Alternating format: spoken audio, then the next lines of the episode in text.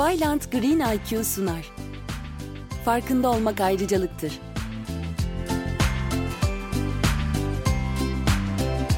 Herkese merhaba. Daha önceki bölümlerde benim hümanist değil, naturalist olduğumu, olaylara insan gözünden değil, doğadan baktığımı anlatmıştım. Naturalistler güzellikten çok olayı çirkinleştiren unsurların üzerinde daha fazla yoğunlaşır. Ben de bunlardan biriyim. Olaya doğadan, masanın diğer tarafından bakmaya çalışıyorum. Ama ben bile tüketim alışkanlıklarımı tam değiştirebilmiş değilim. Dört çeker araca binen, uçakla seyahat eden, enerjiyi sonuna kadar kullanan, dolabında beş mont bulunan biri nasıl masanın diğer ucunda olabilir? Türkiye'de ve dünyada sürdürülebilir yaşam ve verimlilik açısından güzel işler yapılıyor, yapılmıyor değil. Ama masanın diğer tarafından bakınca gördüğüm tek şey yeşili yok ederek ilerleyen, benim de içinde olduğum maalesef toz ve toprak fırtınası. Bunu durdurmalıyız yoksa bu fırtına hepimizi yok edecek. Neden durdurmalıyız? Dünyanın bir döngüsü var. Daha önceki bölümlerde bu konuyu detaylı anlatmıştım. Dünya belli periyotlarda ısınır, soğur. Bu süreçte bazı canlılar hayatta kalır, bazıları yok olur. Doğru zamanda doğru yerde güçlü olanlar ya da şanslı olanlar yaşar. Dinozorlar çağı vardı, bitti, başka bir çağ başladı. O çağ devam etse belki insan olmayacaktı. Belki insan çağı bitecek, başka bir çağ başlayacaktı. Bunu bilemeyiz. Bilinen bir gerçek dünya olduğu gibi kalmıyor, devamlı değişiyor. Dünya kendi ekseni ve güneşin etrafında dönerken bir takım iklimsel değişiklikler oluyor. Bu biz olsak da olmasak da olacak. Ateşle buzun dansı milyonlarca yıldır devam ediyor. 100 bin yıl önce başlayan buzul çağı yaklaşık 18 bin yıl önce son buldu. Yani buzul çağından yeni çıktık sayılırız. 50 bin yıl sonra yine buzul çağına gireceğiz. Şu anda en ılıman, en yaşanası bir dönemde yaşıyoruz. Hatta şu aralar dünyanın biraz da soğuk olması gerekiyor. Yani güneş patlamalarından da etkilenmiyoruz. Dünyayı ısıtacak bir dış etken görünmüyor. Ama dünya giderek ısınıyor. Ortalama sıcaklık 17 dereceye doğru ilerliyor. İnsana indirgeyecek olursak dünyanın ateşi 39 derece diyebiliriz. Yani dünyamız hasta. Niye? Bugünün refahı için gelecekten çaldığımız için, fazla tükettiğimiz için hasta. Bu şekilde tüketmeye devam edersek bugünün refah seviyesini mumla ararız. 1945 2. Dünya Savaşı sonrası dünya nüfusu 2 milyar, bugün 7,5 milyar. Son 75 yılda dünyayı yaşanmaz hale getirdik. O kadar tükettik ki dünya ısınmaya, buzullar erimeye başladı.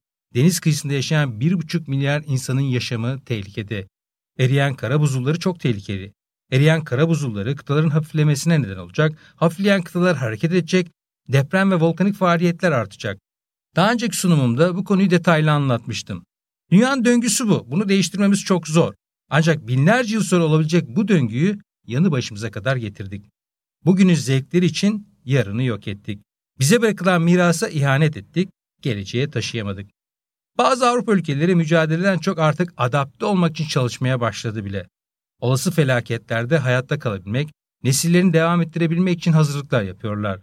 Tohum depolayan ülkeler var. Biz de başladık. İklim değişikliklerine dayanıklı, yerli tohumları ve yerli ırklarımızı koruma altına almaya çalışıyoruz. Biraz geç kaldık ama yine de iyidir.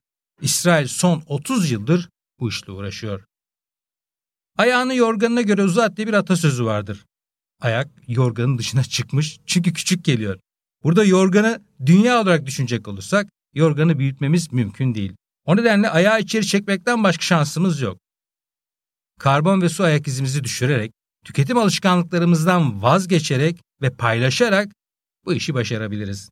Hayatlarımızda yapacağımız küçük değişimlerle bu döngüyü durdurabiliriz. Bu mümkün mü? Mümkün. Karbon ayak izi bizlerin doğrudan ve dolaylı olarak atmosfere bıraktığımız karbondioksit miktarıdır. Yeryüzünde yaşayan her insan yılda yaklaşık ortalama 7 ton civarında karbondioksit üretir. Ama bazı ülkeler bu ortalamanın üstündedir ki dünyanın kirlenmesinden de onlar sorumludur. Bir Afrikalı dünyayı ne kadar kirletebilir ki? Zavallıların bu işte hiç suçları yok ama en büyük felaketi de onlar yaşıyor. Amerika Birleşik Devletleri'nde bir kişi yılda ortalama 21 ton karbondioksiti atmosfere bırakıyor. Türkiye'nin ortalaması 3 ton. Hepimiz bir Amerikalı gibi yaşarsak zaten bitmişiz demektir. 3-4 tane dünya gerekir. O nedenle Fransa'da bazı ülkeler iklim anlaşmasına imza atmadı. Türkiye'de imza atmayan ülkeler arasında. Türkiye ve Türkiye gibi kalkınmakta olan ülkeler der ki bu işten sorumlu olanlar temiz enerji konusunda bizi desteklesin, biz de fosil yakıtlarını kullanmayalım. Tropikal ormanları koruyalım. Ama kirletici ülkeler buna yanaşmadı, sorun masada kaldı. Çünkü Amerika Birleşik Devletleri, Kanada, Norveç, Rusya gibi ülkeler iklim değişikliğinden faydalanacak ülkeler. Buzullar erince petrol arma faaliyetleri, deniz ticareti ve balık stok sahalarına ulaşmaları kolaylaşacak. Herkes hala gücün ve zenginliğin peşinde. Covid-19 salgını ülkeleri biraz hizaya getirir diye düşünüyordum ama pek de düşündüğüm gibi olmadı. Gelelim karbon ayak izine. Yaşarken attığımız her adımda doğaya karbon bırakıyoruz. Alacağınız basit önlemlerle bireysel karbon ayak izinizi azaltmak mümkün. İşin püf noktası israftan kaçınma, paylaşma ve enerjiyi verimli kullanmak. Gereksiz elektrik kullanımı karbon ayak izimizi doğrudan arttıran bir unsur. Kullanım halinde olmayan ve elektrik tüketen her aleti fişten çekerek kapalı tutabiliriz. Ama yapmıyoruz. Telefon şarj olmuş, neden hala orada şarjda duruyor? O şekilde enerji tüketmeye devam ediyor, onu bilemiyoruz. Televizyon tuşuna basmaktan üşenip gün boyu standby'da tutmanın bir anlamı yok. Evde yoksunuz, neden bilgisayar hala açık? Eve geldiğinde sıcak olsun diye evini gün boyu ısıtanlar var. Şehir için araç kullanmak yerine bazı yerlere yürüyerek gidebiliriz. Bu sağlığınız açısından da önemli. Sağlıklı bir yaşam için günde zaten minimum 10 bin adım atmanız gerekiyor. Doğayı düşünmüyorsanız kendinizi düşünün, yürüyün. Uçak yolculuklarında direkt uçuşları tercih edin. Varsa tren gibi alternatif araçları kullanın. Cep telefonlarını mümkün olduğunca az kullanın, işinizi yapın, sohbet etmeyin. Günde yaklaşık 350 milyon mesaj atılıyormuş. 350 milyon mesajın karbon ayak iziyle bir günde uçan tüm uçakların karbon ayak izinin neredeyse birbirine eşit olduğunu söylüyor bilim adamları. Nasıl olur demeyin. Bir mesaj için binlerce istasyon, dev santraller, bilgisayarlar, enerji ve yüksek teknoloji kullanılıyor. Konuşurken bile dünyayı kirletiyoruz. Farkında mıyız? Sanmam. Biz de bunun için çalışıyoruz zaten. Devam edelim.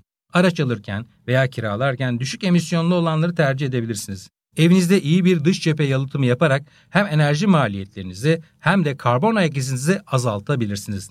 İki yıl üst üste Norveç'e gittim. Son gidişim elektrikli araçlar ve depozito meselesiydi.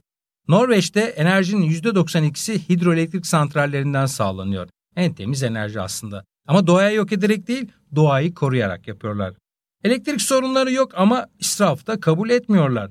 Hala nasıl tasarruf edebiliriz, enerjiyi nasıl verimli kullanabilirizin hesabını yapıyorlar. Dünya bankalarında gelecek için 1 trilyon doları bulunan bir ülkeden bahsediyorum.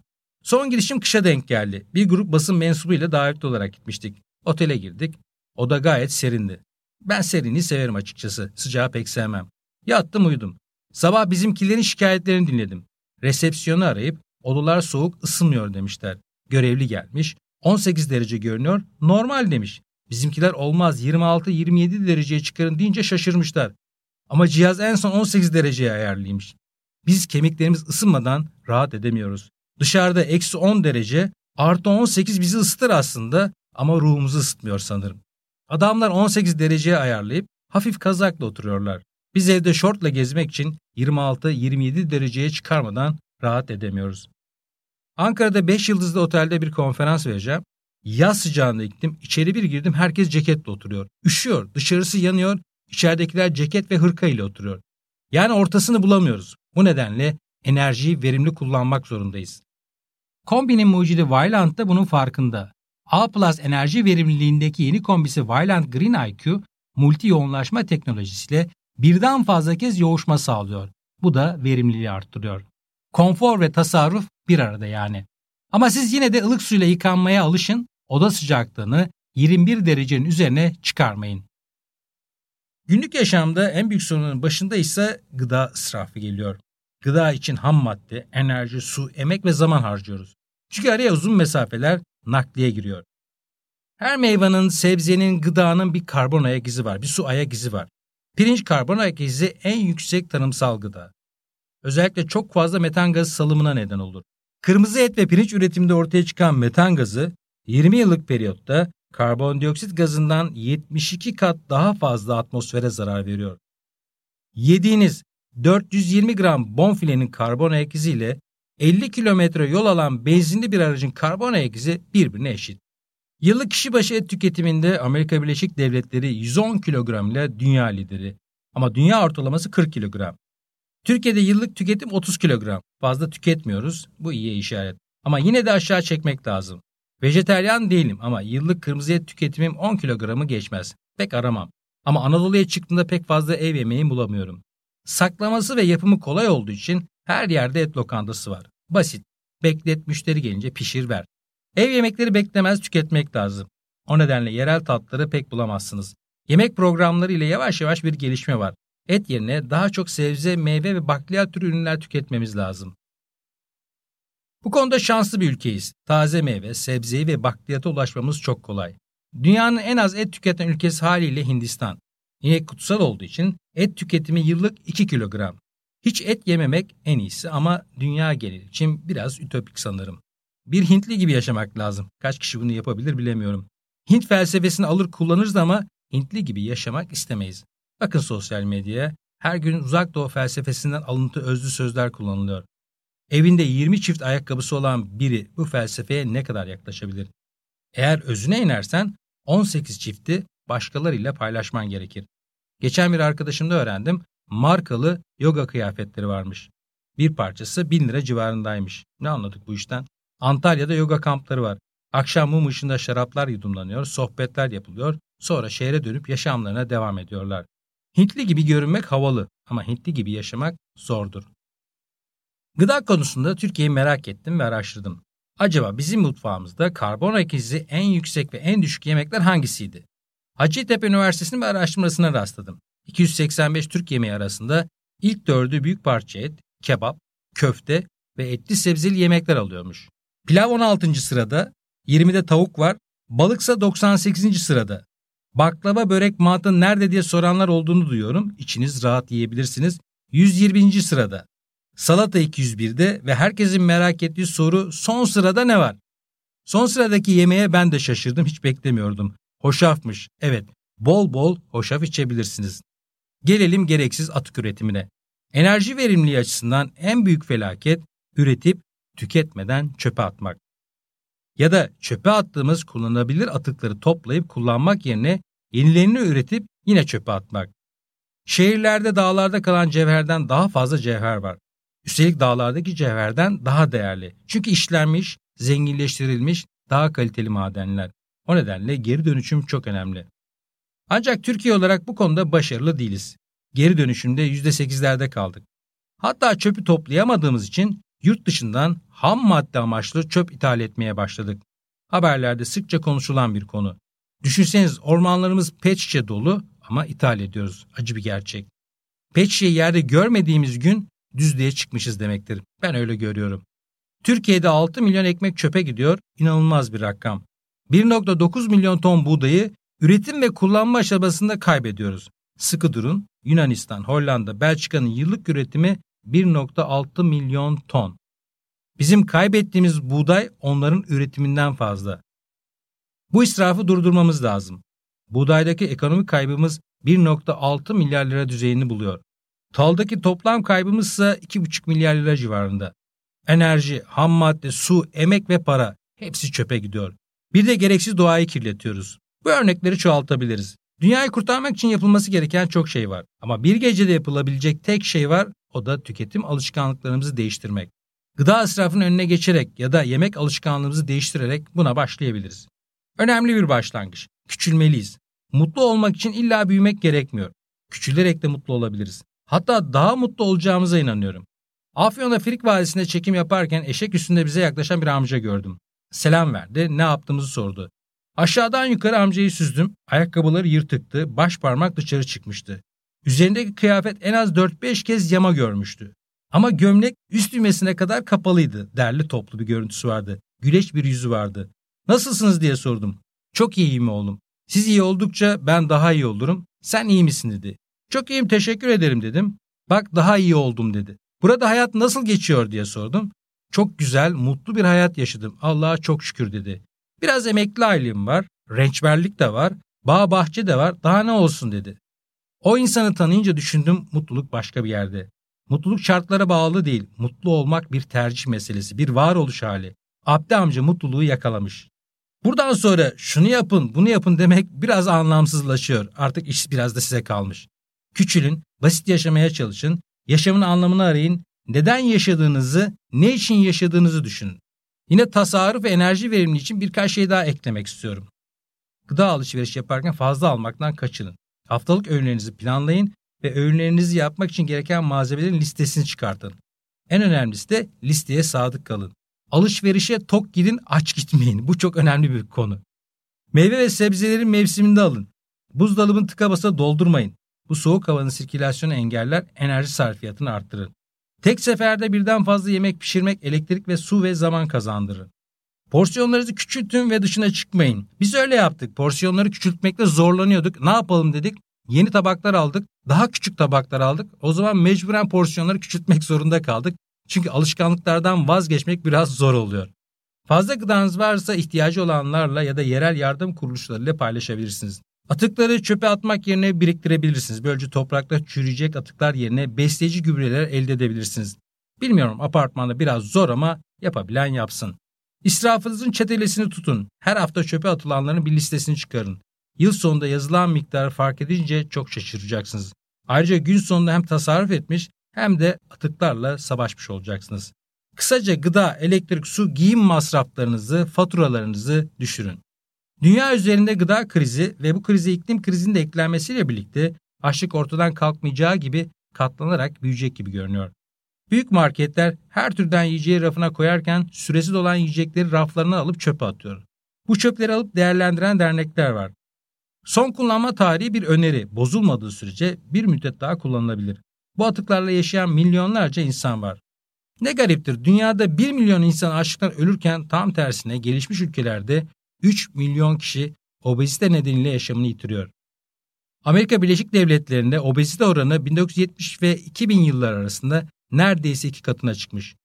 Dünya çapında ise yaklaşık 1,5 milyar aşırı kilolu veya obezite birey bulunuyor.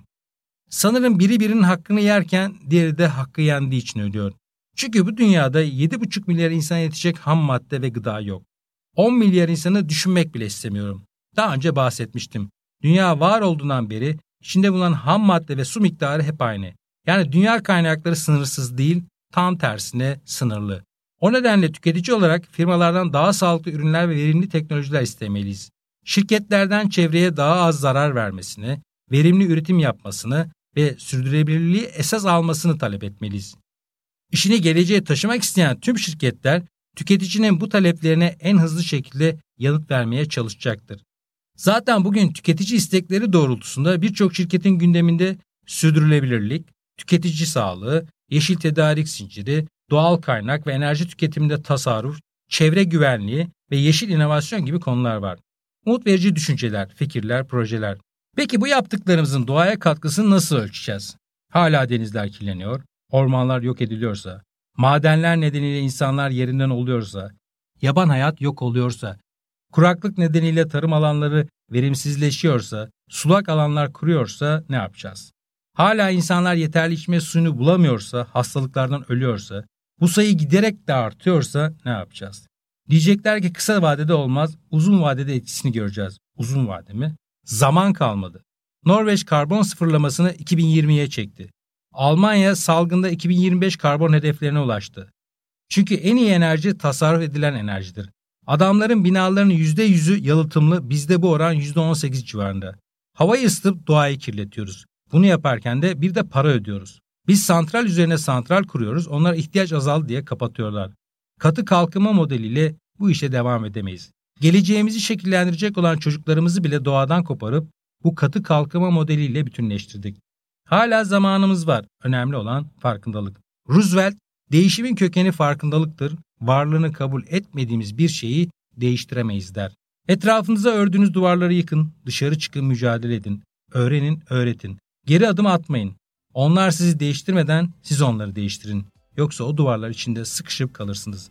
Bunu hissettiğinizi düşünüyorum. Değişimin kendisi olun. Bulunduğunuz yerde elinizdekiyle yapabildiğinizi yapın. Hoşçakalın. Vyland Green IQ'nun sunduğu Farkında Olmak Ayrıcalıktır'ın yeni bölümlerinde görüşmek üzere.